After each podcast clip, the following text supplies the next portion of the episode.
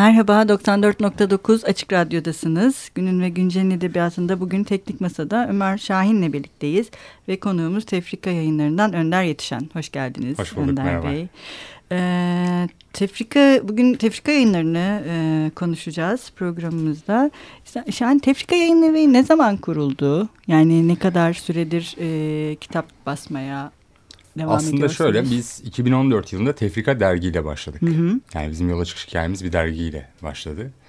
Ee, derginin çıkış hikayesi ise o dönem bu kadar trend olmadığı bir dönemdi 2014 yılı dergiler konusunda. Ee, kendimizce bir eksik gördük ve bu eksikte bir şeyler yapmaya karar verdik. Bu gördüğümüz eksiklik biraz daha sohbet üzerineydi. Aslında edebiyat dili ve konuşma dili yani yazı dili ve konuşma dilinin arasındaki farkın aslında insanların bir şeyler okurken daha böyle konuşan birini karşılarında görmeleri, o okudukları şeye daha böyle bağlanmaları, içselleştirmeleri açısından faydalı olur diye düşündük. Yazdığımız yazılar, içerikler aktüel olmamakla birlikte e, ağırlıklı olarak kendi bildiğimiz konular üzerinden başlayalım. Tükenirsek öğrenmeye doğru yol alırız dedik. İki aylık bir e, periyodu vardı, derginin yayın periyodu vardı.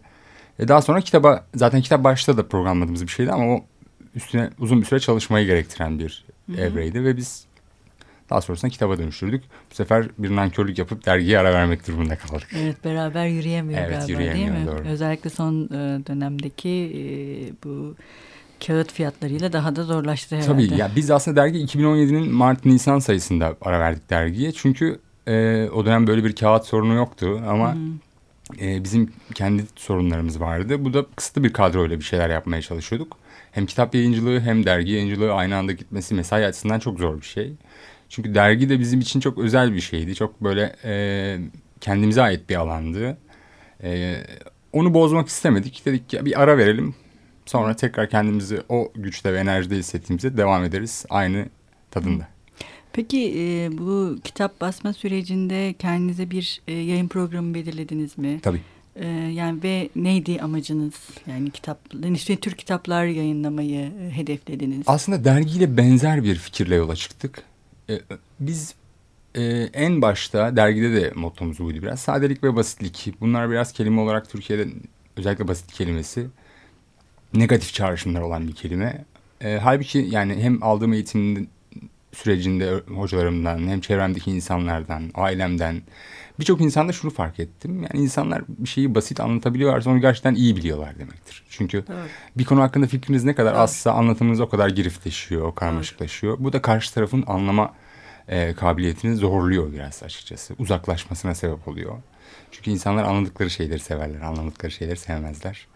E, kitaplarda da ne yayınlarsak yayınlayalım mutlaka onu bir basitliğe, bir sadeliğe ulaştırma çabası taşıdık. Ve yine kendi sevdiğimiz e, eserlerden, yazarlardan, türlerden yola çıktık. Aslında çok belli bir yayın konseptimiz var diyemeyiz. Hı, Başlangıçta Ee, belki. aynen öyle. Hali hazırda da belli kollarda bir yayın programı hazırlıyoruz. Ve bunlar da yine sev- kendi sevdiğimiz şeylerden. Yani bizimle aynı şeyleri sevebilecek insanlarla bir araya gelmek gibi bir fikir taşıyor kitapta. Çünkü sadece yayınlamak, okumak değil de onların üstüne sohbet edebilmek, Evet. tartışabilmek keyifli. Doğru. Şimdi sizin bu çocuk edebiyatı Hı. diziniz oldukça ilginç. Ben bunların e, birkaç tanesinden zaten haberdardım. Hı hı. Şimdi mesela önümde gördüğüm Küçük Sayit Faik Abası Yanık ve Sinarit Baba 12. kitap olarak Evet. görünüyor. Bu en sonuncusu mu? Aslında 24 kitaplık Ha, proje. 24. Bu sene Ben- içerisinde yılbaşına kadar bir aksilik olmazsa Bitecek çok herhalde. aksi bir durum gerçi oldu. Olmaz dediğim Hmm, kağıt. Evet doğru. Çok büyük bir sorun ama diğer 12 kitap da gelecek.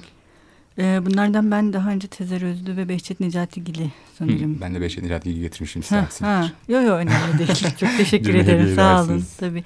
Ee, bu e, yani işte e, Türkçenin önemli yazar ve şairlerinin Hı hı. e, konu edildiği e, bir seri. Biraz bu seriden bahsedelim Tabii. isterseniz. Bu nasıl bir ilhamla ortaya çıktı bu seri? Yani neler yapıyorsunuz? Şimdi Bunun- kendisini yakmış olmayayım ama bir stajyerimiz vardı. İsmini vermeyeyim bari öyle yapalım en azından. Yıldız Teknik Üniversitesi 4. sınıf öğrencisiydi ve Fransızca öğrencisiydi. Bir gün bu kitaplardan bahsederken, üstüne tartışırken e, Behçet ne abi ya demişti. Daha böyle sevimli bir isim olamaz mı demişti. Ben tabii oradan hani Behçet Necati'yi hiç duymadığını çıkardım doğal olarak. Yani e, burada şöyle bir fikir var. Biz bu fikri, şimdi çocuk kitapları çok özel bir alan. Yayıncılık ve işte öğretmenlik vesaire gibi bazı mesleklerin çok hassas olduğunu inanıyorum. Ve bu mesleklerde insanların başka bir insana temasının çok kalıcı olduğuna inananlardanım.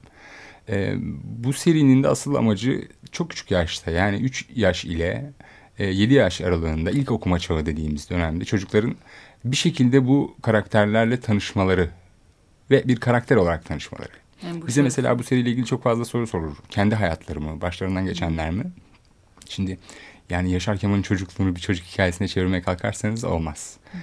E, ki birçoğu Behçet Necati için de öyledir. Biz burada e, şöyle bir çıkarımda bulunduk. Dedik işte herkes Don Quixote'u bilir ama Cervantes o kadar da yani Don Quixote kadar bilinmez. Tabii ki bilinir ama çok böyle bariz bir örnek verdim. Enteresan oldu ama. E, o yüzden dedik ki birer karakter haline getirelim ve bunu yaparken madem kendi hayatlarından yola çıkamıyoruz eserlerinden yola çıkalım o zaman. Yani Said Faik'in gerçekten Sinarit Baba isimli bir öyküsü vardır ve orada bir sinarit balığının gözünden balıkçıları anlatır. Küçük Said Faik de yine yakın arkadaşı Yaşar'la beraber hafta sonları balığa çıkan, Burgazada'da balığa çıkan bir çocuk olsun ve su altındaki hayatı merak etsin. Bir sinarit balığına sorsun gibisinden. Onların eserleriyle paralellik taşıyan bazı kurgular ürettik. Ve çok da e, sevildiği insanlar da sevdiler ki bence bunda Akif'in de çok önemli bir katkısı var. Akif Kaynar resimleyen arkadaşımız. Genel itibariyle birçok kitap kapağımızda da illüstrasyonlarında e, emeği var. Hı hı. E, onun da etkisi çok oldu. Çok da sevilen bir dizi oldu. Biz de devam, e, devam etmek istiyoruz evet. Peki bu mesela sadece e, Türkçenin yazarlarıyla ve şairleriyle mi devam edecek? Belki sonrasında Tabii bu, klasikler, dünya evet, edebiyatına mal olmuş. Aslında bunu bir hani Şimdi tartışma da var. Nasıl kullanacağımı da bilmiyorum. Türkçe edebiyat, Türk edebiyatı. Ha evet yine o tartışma. Hangisini istiyorsanız, evet, içinizden hangisi geliyorsa onu kullanın. ee, içinde yaşayan bütün milletlerle birlikte Tabii. bir ulusun edebiyatının yazar ve şairleri ve aslında dünya edebiyatının önemli yazar ve şairlerini Tabii. konu alan bir iki farklı e, dizi oluşturmak istedik. Ama tabii biz küçük bir yayıncıyız. Yani bu bizim hareket kabiliyetimizi, hareket hızımızı yavaşlatan bir şey e, ister istemez biraz daha sindiresi ki bu iş hani çok böyle hemen çocuk kitabı biraz öyledir ya insanlarda. Çocuk kitabına normal yetişkin kitaplarının klasik kitabı gibi bakılır. Yani önce çocuk kitabı yaz sonra şiire geçersin, öyküye geçersin, roman derken gider böyle. Ee, öyle olduğunu düşünmüyorum kesinlikle. O yüzden üstünde çok evet, ciddi çok bir önemli. okuma ve çalışma gerektiren eserler. Ee, bu anlamda yavaş olması bizim açımızdan da biraz daha sindirmek açısından Hı -hı. faydalı oluyor diyebilirim. Ee, bir de gençlik serisi var sanırım değil mi? Sadece çocuk Henüz tek kitabı var ama evet. bir yayın programı var ve önümüzdeki ay itibariyle devam edecek. Ee, bu da Celal Ali Ahmet. Evet. Arıların hikayesi. Kimdir Celal Ali Ahmet? Ee, ben aslında bu arada Farsça çevirmenlik falan da yapıyorum. Hı hı. Ee, İstanbul Üniversitesi Farsça mezunuyum. Ne güzel.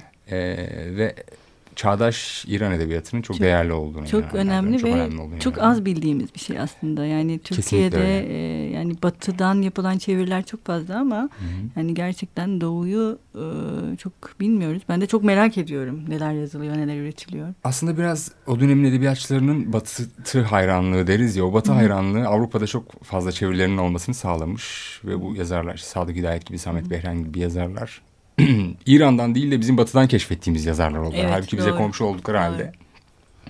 Klasik İran edebiyatında çok böyle sevememişimdir öğrencilik hayatım hmm. boyunca. Çağdaş İran edebiyatı bana daha çok e, daha gerçekçi gelmiştir. Daha ayakları yere basan bir edebiyat türü olarak görmüşümdür.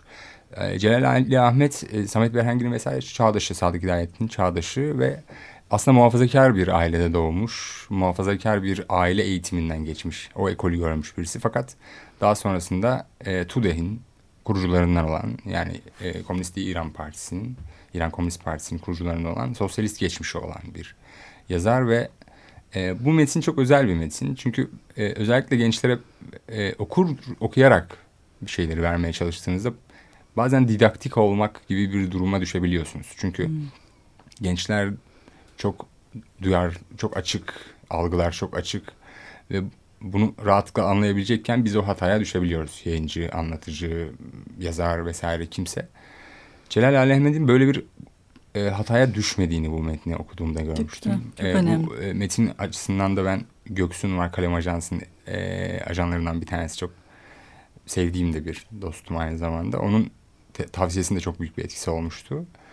Ee, çok önemli bir metin. Çünkü bir arı hikayesini hem arıların bir de arıcının gözünden anlatıyor. Biz hep insan hani varlığı itibariyle dünyanın tek sadece canlısı. insanlardan evet, ibaretmiş sadece gibi, insanlardan ibaretmiş gibi bakarız. Onların da bir sosyal yaşantısı var ve bu sosyal yaşantının dışarıdan bakan bir göz tarafından anlatılması çok hoşuma gitmişti. Ki özellikle arılar tarafından anlatıldığı kısmı çok çok daha keyifliydi. Çünkü hani biz onların bizim için var olduklarını düşünürüz. Halbuki olay onların e, dünyasında öyle cereyan etmiyor. Peki ilk defa mı çevriliyor? Yani Celal Evet. Ali Ahmet'ten bir kitap Türkçe'ye. Hayır, daha önce çevrilmişti. Hı hı. E, ama yetişkinler için bir romanı ve novellası vardı. Ha, şeyler Okul için müdürü mi? vardır meşhur. Hı hı. Çevrilmemiş eserleri var. Biz de e, dediğim Devam gibi devam etmek Ha, istiyoruz. güzel. E, aldığımız reaksiyonlar doğrultusunda Biz okullar Öyle için var. güzel. e, peki başka ne tür serileriniz var? Önümde şimdi David Hume ve John Locke'u görüyorum. Evet. Kelimelerin suistimali Hı hı. ve intihar. evet, intihar. yani felsefeye de sanırım. Evet, şöyle bazı çevirmenlerimiz ve aynı zamanda editör arkadaşlarımızın tavsiyelerine çok önem veriyoruz, çok değer veriyoruz. Çünkü hani insan olarak okuyabilme kapasitemiz belli bir sınırda bu. 10 kişi olduğunda onunla çarpılabiliyor. Ee, onların fikirleri çok değerli. Bazı arkadaşlarımızın fikirleri üzerine değerlendirme aldığımız metinler de var. Ki John Locke ve David Hume da öyle. Onlar aslında felsefede de benim kendi adıma şahsi şikayetimdir bu şimdiye kadar.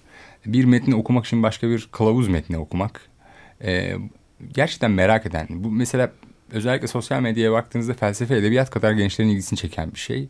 Fakat okuduğu anda o metnin temposu, içeriği, anlamadığı terimler, genel olarak terminoloji sıkmaya başladığı zaman ya anlamış gibi yapıyor en kötüsü. Evet, Yani ya da anlamadığını kabul etmek de zor bir şey. Ya anlamış gibi yapıyorlar ya da direkt uzaklaşıyorlar metinlerden. Bunlar mümkün olduğu kadar terminolojiden sıyrılmış ve yine başta söylediğim gibi sadeleştirilmiş, basitleştirilmiş anlatım. Genel olarak John Locke'ın söylemek istediklerini vermeye çalışan metinler. İntihar da intihar deyince hemen intihar oluyor ama aslında intiharın bir hak olduğunu iddia ediyor David Hume. O Evet. yüzden o zaman kapağını tasarlayan arkadaş da siyah bir kapak yapmıştı. Biz demiştik ki bunu siyah yapmayalım çünkü Hume Doğru. yani kötü bir şey olarak bakmıyor intihara Tabii. bir hak olarak görüyor.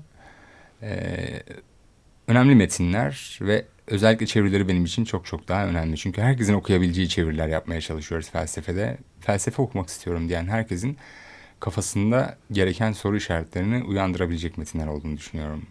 Evet doğru. Aydınlama çağını çok ayrı bir yere koyarım çünkü felsefede her zaman. Doğru. Ee, şimdi ben hep önümde olan Evet. kitaplardan gidiyorum ama e, sağ olsun Önder İyi Bey bugün bize güzel kitaplar getirmiş. Çok teşekkürler. Bu e, 50 muhteşem kısa hikaye. Hı. Bu da bir derleme. Süha Evet. Demirel tarafından e, yapılmış. Ee, Derlemeyi ben yaptım ama Süha çevirmeni. Ha pardon çok Evet, özür dilerim. Affedersiniz. Rica Türkçesi e, Süha Bey tarafından e, yapılmış. Dünya edebiyatının e, önde gelen yazarları işte şimdi bakıyorum Maupassant, Zweig, Conrad, O. Henry, Oscar Wilde, Maupassant, e, Kafka. Kafka'dan bayağı çok örnek var galiba. Hı hı. Kafka ve Maupassant'tan. Bir derleme Öyküler. yapmak çok zor bir şey bence. Kesinlikle öyle. Çok zor bir, bir şey. Bir de hani bunun adını muhteşem kısa hikaye. Aslında şöyle biraz ukalalık gibi algılanıyor ama o kitabın e, Bantam Classics tarafından yayınlanmış bir İngilizce Hı hı. edisyon var aslında. 50 Great Short Stories Hı hı. isminde. Biz bu edisyonu e, ben çünkü kitapçılık geçmişimde var ve hep böyle insanların o kitaba çok rağbet ettiğini görmüşümdür. Ve bu rağbetin aslında sebebinin e, o hikayecileri olan meraktan değil de 50 kısa hikaye fikri çok Ha, güzel. Evet o Çünkü şekilde o sunmak. İngilizce bir metin Türkiye'de İngilizce öğrenen birçok insan için 50 kısa hikaye, kısa kısa hikayeler ki klasik edebiyat çevirileri gramer açısından da sentaks açısından da daha rahat okunabilir metinler. İngilizce çevirilerinden bahsediyorum. O kitap öyle bir kitaptı. Ve biz de Türkiye'de böyle bir kitap neden yok diye düşündük. Ee, Türkiye'deki insanların daha çok okumayı sevdiği klasik yazarlarından. O biraz daha Amerikan bir kitaptı. Yani yazarlar daha çok Amerikan ve İngiliz yazarlardan seçilmişti. Halbuki Türkiye'de Pessoa da okunuyor, Rilke de okunuyor. Ee, Tolstoy seviliyor, Dostoyevski Evet. seviliyor. Maupassant çok önemli bir öykücü. Evet. Olmazsa olmaz isimler vardı. Böyle bir derleme yapmak istedik. Ee, o edisyonun ismini kullandık bu yüzden. Hani burada şey durumu biz bunlar gerçi muhteşem diyemeyeceğimiz hikayeler değil çünkü hikayeciler muhteşem insanlar. Evet. Ee, Metinler de muhteşem. Zorlayan kısmı da her hikayesi çok çok iyi olduğu için birçok yazarın onlar arasından seçmek oldu. Evet isterseniz şimdi bir ara verelim. Tabii. Bugün e, biz e, seçme işini, müzik seçme işini Ömer'e bıraktık. Ömer şimdi bizim için bir müzik seçecek. One, two, three, ho!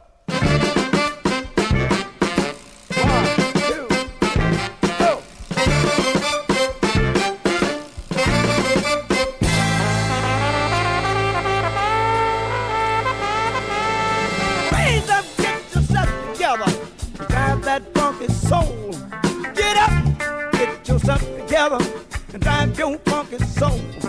They're doing it down in that soul. Drive that funky soul. They're doing it by the beach. Huh. They're driving that funky soul. New York, get yourself together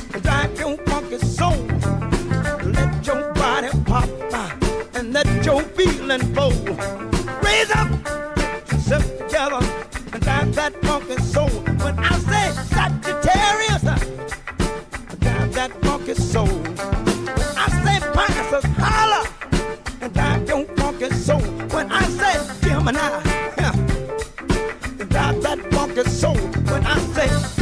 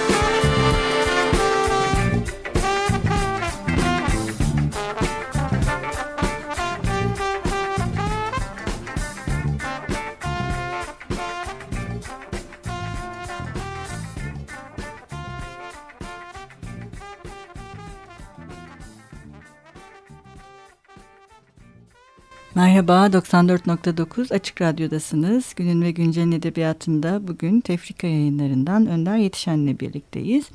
Ee, Önder Bey, şimdi ilk bölümde daha çok çevirileri ve sizin çocuk edebiyatı e, dizinizi konuştuk. E, burada da konuğumuz olmuştu. Eyüp Tosun'un bir hikaye kitabını Hı. yayınladınız. E, bu da ayrı bir seri olarak ve bayağı da ilgi gördü sanırım evet. kitap değil mi? E, bu seri yani Türkiye'nin genç yazarlarını e, okurlarla buluşturmak gibi bir hedefiniz olacak mı? E, buna devam etmeyi düşünüyor musunuz? Çünkü bir taraftan bu riskli de bir şey. Evet. Yani değil mi? Yeni yazarlarla güzel bir şey aslında bence bir taraftan ama sonuçta hani ne bileyim meşhur bir yazarla çalışmak daha herhalde bir yayıncılık açısından yani bunu bir riski e, az bir durum riski diyelim. az bir durumdur evet. herhalde bilemiyorum ama hani yeni bir yazarla yeni bir kitapla yola çıkmak nasıl yani buna devam edecek misiniz? Aslında şöyle bence yeni yazar eski okur çok önemli. Çünkü yeni yazar dediğimiz zaman insanlar yazarlık direkt yazar olarak başlanabilir bir şeymiş gibi algılayabiliyorlar. Çünkü çok fazla dosya alıyoruz. Biz Öyle mi? Hmm. Alıyoruz. Bu hmm. durum şöyleydi. Biz İlk olarak Mahmut hocamız, Mahmut Şenol'un Bizim Unuttuğumuz Şey isimli bir öykü dosyasını yayınladık. Ve o zamana kadar daha çok çeviri kitaplar üzerinden gidiyorduk. Çünkü çeviride iş tamamen sizinle ilgili. Ne kadar çok çalışırsanız, ne kadar çok araştırırsanız, ne kadar çok okursanız o kadar fazla şeye dokunma imkanınız var. Fakat Türkçe edebiyatta durum öyle değil. Yani size gelen dosyalar arasından seçmek zorundasınız. Ya da siz ulaşmak zorundasınız gücünüz hmm, yettiği kadarıyla. Ee, burada seçme şansınız çok daha e, dar bir skalaya indirgendiği için ister istemez e, tam içinize sinmeyen metinlere evet demek durumunda kalıyorsunuz ki bu da çok tercih ettiğimiz bir şey değildi. Bir de yazarın kendisiyle birebir ilişkide olmak e, ki bu yani en örnek veriyorum bize gelen absürt metin için bile geçerli. O yazdığı metin onun için çok özel ve çok değerli. Yani bunun bir kere farkında olmak lazım. Yani iyi veya kötü. Bugünkü gelen metinin kötü olması bir sonraki metinin iyi olmayacağı anlamına gelmiyor kesinlikle. Doğru. O anlamda gelen her metine bakmak çok ciddi bir mesai. Ki etik adam etik olarak buna mecbur hissediyoruz kendimizi. Yani tamamını okuyamasak bile en azından başından ortasından sonundan 30'ar 40'ar sayfa bakmak durumunda hissediyoruz. Eyüp'te öyle olmadı durum. Eyüp e, bizim editörlerimizden Semih arası, aracılığıyla zaten tanıdığımız bir arkadaşımızdı. E, ve dosyasını ben okuduğumda çok heyecanlanmıştım. Çok hoşuma gitmişti. Eyüp'ün çok ciddi bir emek verdiği çok ortadaydı o metin için. E, evet, öyle. Ve Türkçe edebiyatı aslında Semih Öztürk bizim o dönem ben bu işi yaparım abi hmm, güzel. dediği için öyle bir şeyle girdik. Çünkü aslında çok haddimiz olarak gördüğümüz bir durum değildi. Çünkü gerçekten çok yoğun bir mesaisi olan bir iş. Yani kitabın hazırlanması değil, hazırlıktan landıktan sonraki süreci çok çok daha yorucu. Çünkü o kitabın insanlara bir şekilde duyurulması lazım. Tabii. Bu anlamda yazarının çabası, e, tabii orada belki sizin söylediğiniz şey devreye giriyor. Yazarın bir bilinirliği olması, bir hali hazırda onu takip eden bir kitlenin olması belki kolaylaştırıcı bir durum olabilir. Ama hani dediğim gibi yeni yaz Eyüp'ü bir yeni yazar olarak tanımlayamıyorum. Çünkü Tabii, Eyüp bence evet. yeni bir yazar değil. Eyüp evet. çok iyi bir okur, çok önemli bir okur ve evet. aslında iyi bir yazar olmanın önemli kriterlerinden bir tanesi, başta gelen kriterlerinden evet. bir tanesi. Ee, o anlamda çok sevdiğimiz bir dosya oldu ama e, insanlarımız pek öykü okumuyorlar. Eyüp'ün dosyası bu arada ikinci baskıyı yapacak. Onu bir kenara Oo, koyalım. Ne güzel. Evet. Çok iyi bu haber. Ay, Şunu ay, da buradan vermiş olalım. yapacağız Eyüp'ün. Ee, çok sevdiğimiz bir dosya oldu. Eyüp de şu anda dosya üzerinde çalışıyordur. Bir iki değiştirmek istediğim şeyler hmm. var abi demişti. Ee, biz de çok sevdik. Ee, insanların da çok sevmiş olması bizi çok mutlu ediyor. Çünkü bu işin en büyük motivasyonu bu aslında. Yani Tabii. sizin sevdiğiniz bir şeyin karşılık bulması evet, insanlarda. Karşı. Ve sizin algıladığınız şekilde karşılık bulması evet, çok önemli çok bir şey. Önemli. Çünkü görebiliyorsunuz demektir bazı şeyleri. Doğru. Diğer metinlerde de bir Mustafa hocamızın bir Mustafa Şahin'i daha önce ayrıntı yayınlarından bir romanı yayınlanmıştı. Kasabanın Laneti. Yeni romanı bizden çıktı ve yaklaşık 15 yıldır üstünde çalıştığı bir roman aslında Kasım Veresiye. Ee, Birinci Dünya Savaşı döneminde e, Bartın Zonguldak bölgesinde geçen bir taşra hikayesi. Çok değerli ve yazım dilini çok beğendiğim bir yazar. Ee, ve aynı zamanda bir de bu üç kitabın dışında kalan farklı bir kitap daha var. Onay Durgun'un bir metni var. Bir milyoncu isminde. Ee, Onay abiyle çok eski dergi döneminden tanışırız. İşte o aynı zamanda doktorluk geçmişte olan bir senarist. İşte Kardeş Payı, İşler Güçler gibi dizilerin senaryo ekibinde Selçuk Aydemir ile beraber çalışmıştı. Sohbeti çok eğlenceli. Ağzından cımbızla laf alıyoruz ama çok eğleniyoruz aldığımızda da. Ee, yazarken çok çok daha keyifli. O metin bizi çok güldürmüştü. Ee, belki aynı şeylere güldüğümüz içindi ama e, metin olarak da çok eğlenceli bulmuştuk. Öyle bir kitabımız oldu ve bu alanda devam etmek istiyoruz aslında ama bizim için sadece metin değil yazarı da çok önemli. Çünkü e, yazmak evet çok önemli bir şey. Narsistik bir şeye dönüştüğü zaman yayıncı açısından çok zorlayıcı olabiliyor. Şimdiye kadarki yazarlarımızla bu anlamda çok samimi bir diyalog içerisindeyiz ve bu konuda zorlanmıyoruz. E, bundan sonrasında böyle olsun diye çabalıyoruz açıkçası. Evet Önder Bey çok teşekkür ederiz. Rica ederim, bugün teşekkür bizimle birlikte olduğunuz için burada. E, bugün 94.9 Açık Radyo'da Günün ve Güncel'in edebiyatında Önder Yetişen'le e, tefrika yayınlarını e, konuştuk. Ben son olarak da e, şeyi söylemek istiyorum. Sizin bir kafeniz de var sanırım değil mi? Ee, e, evet. Yayın eviyle birlikte devam eden.